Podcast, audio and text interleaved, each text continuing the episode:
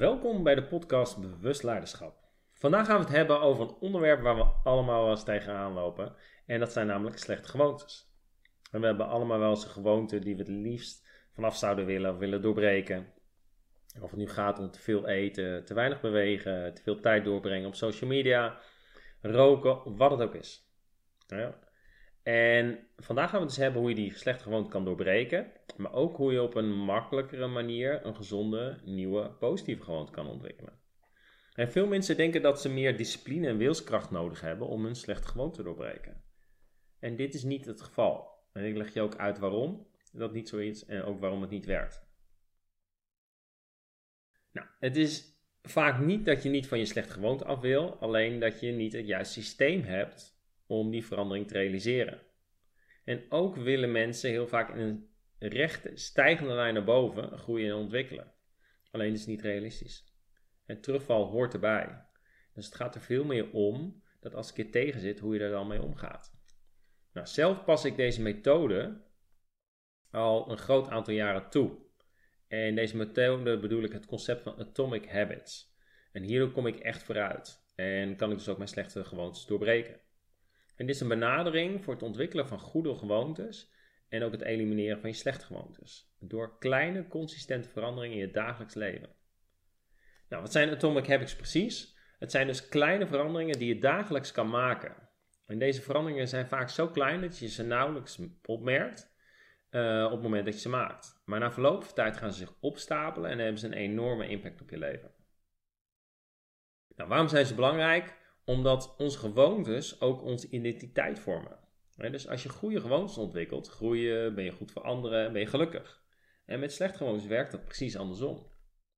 En als jij een slechte gewoonte hebt om dingen uit te stellen, je rekeningen te laten betalen, te veel te eten of te veel alcohol te drinken, dan kan ik je voorspellen als je dat blijft doen, dat je niet groeit en ook niet gelukkig bent. Dus het heeft heel veel impact ook op jou als persoon. En met die kleine gewoontes werkt dat twee kanten op. Dus de eerste is bijvoorbeeld, stel je hebt uh, iemand loopt tegenaan dat hij heel veel overgewicht heeft. Nou, dat is niet van de ene op de andere dag ontstaan. Om je een voorbeeld te geven. Dus stel je eet vijf keer per week eet je een chocoladereep van ongeveer 250 calorieën. En dat betekent dus eigenlijk op wekelijkse basis dat je 1250 calorieën neemt. En op jaarbasis zijn dat 65.000 calorieën. Als je dat volgens deelt door 1575 om van calorieën naar kilo, kilo's te gaan, dan heb je uh, meer dan 8,3 vet toegevoegd aan je lichaam in, op jaarbasis. He, dus die simpele chocoladereep van 250 calorieën, die werkt dan zo door. Dat is op de negatieve kant. De andere kant is, mijn vraag is, kan jij 300 euro per maand missen? En wat ik daarmee bedoel is dat Joe start op 19-jarige leeftijd met 300 euro per maand sparen. En hij stopt op 27-jarige leeftijd en laat verder zijn geld staan met een rente van 10% per jaar. Hij investeert dus in totaal 28.800. En als hij dan 65 is, dan heeft hij 1,8 miljoen staan op zijn bankrekening. En dit is de kracht van uh, de power of compounding. En dus rente op rente. En hier lijkt het in het begin dus ook alsof het helemaal niet opschiet. Maar op een gegeven moment gaat het heel hard groeien. En dat is precies met hoe het met gewoontes ook werkt. Dat is een curve die echt op het laatst hard omhoog gaat. Maar in het begin ja, ervaar je dus teleurstelling. Ik zal zo er nog voorbeelden van geven. Nou, hoe kan je deze gewoontes ontwikkelen? Hoe kan je goede gewoontes ontwikkelen? En het begint allemaal om te inventariseren wat je slechte gewoontes zijn. En die je dus wil veranderen. Ik zal een aantal met je delen om je een idee te geven. En wellicht ook goed om mee te schrijven om op te kunnen schrijven welke je herkent.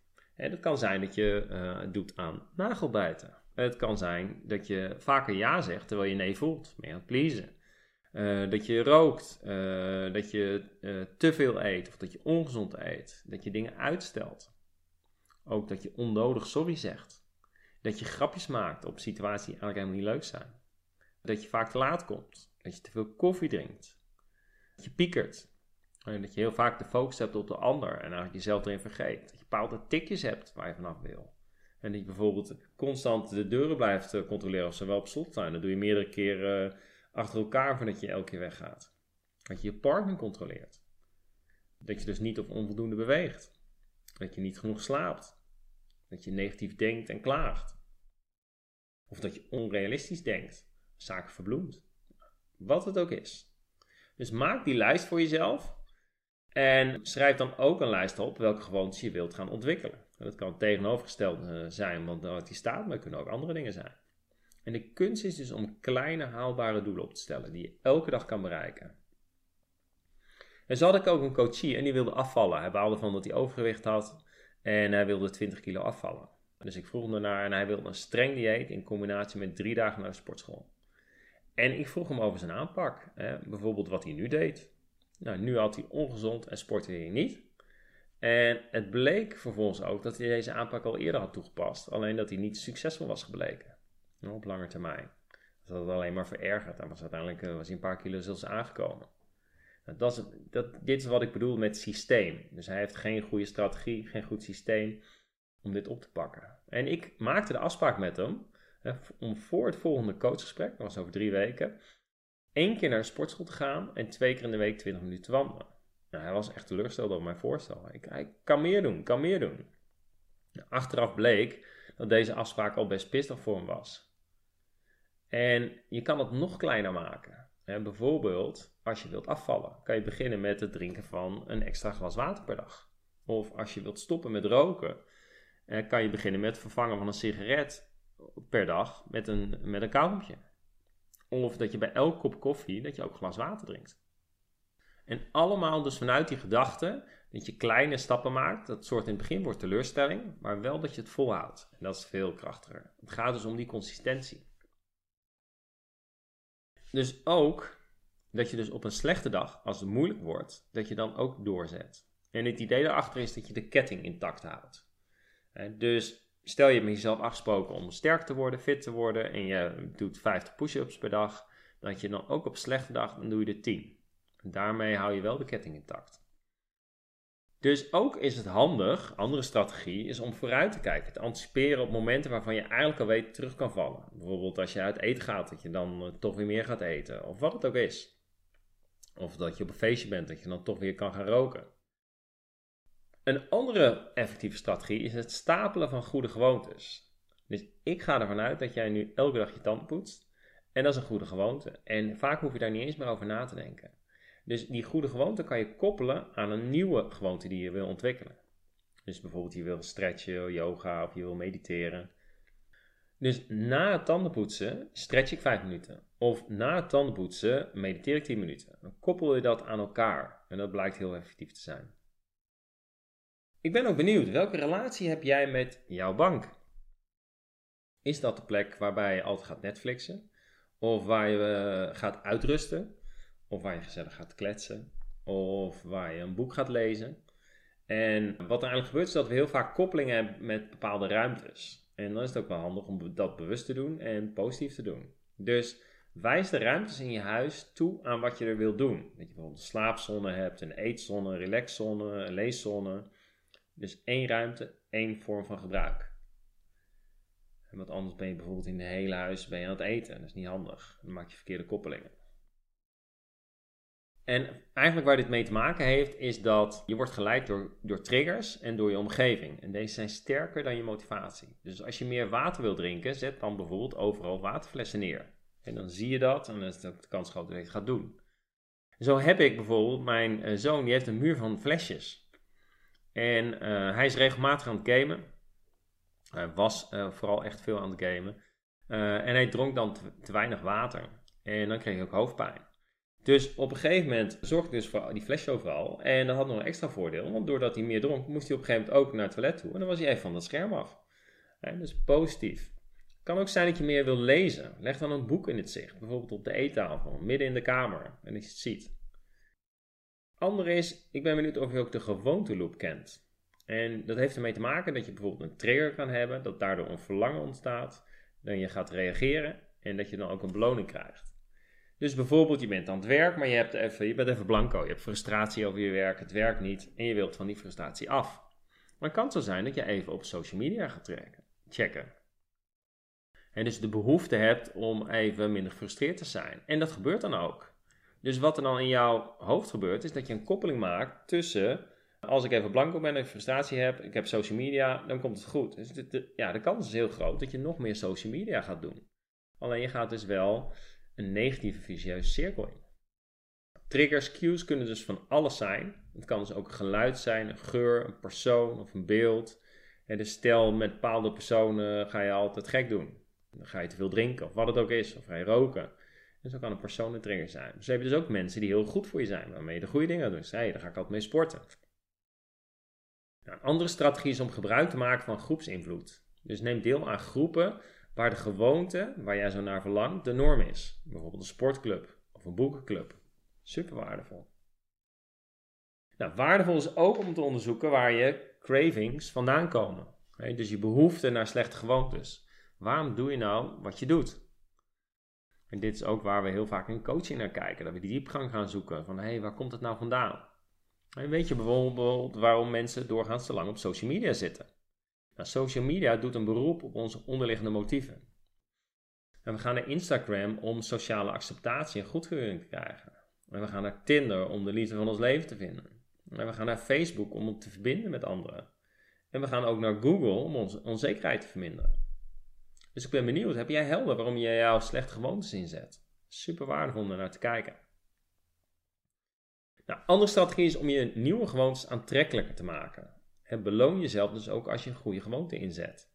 Wat er dan ook gebeurt is dat je een bepaalde staat komt, een positieve staat. En je maakt nieuwe associaties. Bijvoorbeeld, je besluit om meer te gaan sporten, je gaat dat doen, dan heb je ook meer energie.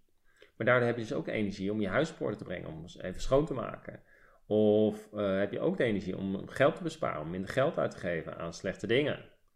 Uh, nou, zo kom je in die positieve flow. Andere strategie is maak het slechte onaantrekkelijk. Dus als je te veel televisie kijkt, trek de stekker eruit. Als je neiging hebt om te veel te kopen, verberg je pinpassen. Uh, als je neiging hebt om te veel te snacken, verstop de snacks in de kelder. Want wat blijkt is wat je onmiddellijk wordt beloond, wordt herhaald. En wat onmiddellijk wordt bestraft, wordt vermeden. Dat is belangrijk, helpend. Nou, de laatste strategie is de law of least effort. Dus spreek met jezelf de 2 minuten regel af. 2 minuten hardlopen, bijvoorbeeld. Of één bladzijde per dag lezen. Dat kan altijd. En in de praktijk weet ik uit eigen ervaring, je gaat niet 2 minuten hardlopen. Je gaat niet één bladzijde. Je gaat er altijd meer lezen. Daardoor kom je dus wel in die flow. Nou, en om je een beeld te geven, bijvoorbeeld de Special Force maak je er ook gebruik van kwam ik achter. En dus dan uh, moet je een bepaalde training doen. En die begint met dat je een rugzak met 8 kilo op je rug moet doen. En dat je wat buikspieroefeningen hoeft te doen. Waarbij ik zeg, nou, dat is een makkie. En het lukt. Alleen na 12 weken heb je opeens 20 kilo op je rug. En moet je echt serieuze oefeningen doen. En dat bouwen ze dus heel rustig op. Waarbij in het begin zegt, nou, dat is echt te makkelijk. Als je dus doorzet, ga je veel hoger uitkomen dan je in eerste instantie ooit had verwacht. Nou, wellicht hoor je, ja, ben je ook aan het denken van, hé hey Roderick, maar hoe lang duurt het eigenlijk om een nieuwe gewoonte op te bouwen? Nou, het duurt gemiddeld 66 dagen om een nieuwe gewoonte op te bouwen. Dat betekent dus ongeveer dat je twee maanden nodig hebt om een nieuwe gewoonte te ontwikkelen, maar ook te laten beklijven. Het kan soms wat langer of korter duren, maar dat is afhankelijk van de complexiteit, maar ook hoeveel moeite je erin steekt. Nou, hiermee zijn we aan het einde gekomen van deze podcast. Dus bedankt voor het luisteren. Uh, naar deze podcast over gewoonten. En ik hoop dat je er iets uit hebt gehaald, inspiratie hebt opgedaan, zodat je dus nu ook snapt hoe gewoontes werken, maar ook hoe je ze dus kunt veranderen. En we hebben dus veel besproken, de kracht van de gewoonteloop, zowel positief als negatief, 1% regel, dus kleine stapjes, de law of least effort. Uh, en we hebben dus ook gekeken wat de onderliggende drijfveren zijn van mensen, waarom ze doen wat ze doen. Nou, als je nog vragen hebt, laat het vooral weten. Vind ik leuk. Via de website kan je ons gewoon bereiken. www.intocoaching.nl Dus je schrijft het als www.in2coaching.nl En ik vind het leuk om van je terug te horen. Hoe het is vergaan met het creëren van nieuwe positieve gewoontes. Begin van het jaar geef ik altijd veel opleiding over dit thema. En dan vind ik dat super leuk om na een paar maanden al terug te horen wat mensen allemaal hebben bereikt. En hoe ze echt dingen anders doen. Maar ook met name hoe ze zich dus anders voelen. Omdat met die nieuwe gewoontes er ook een nieuwe identiteit ontstaat. Nou, nogmaals heel erg bedankt voor het luisteren. En ik hoop dat je ons blijft volgen. Abonneer je ook op de podcast. En tot een volgende keer.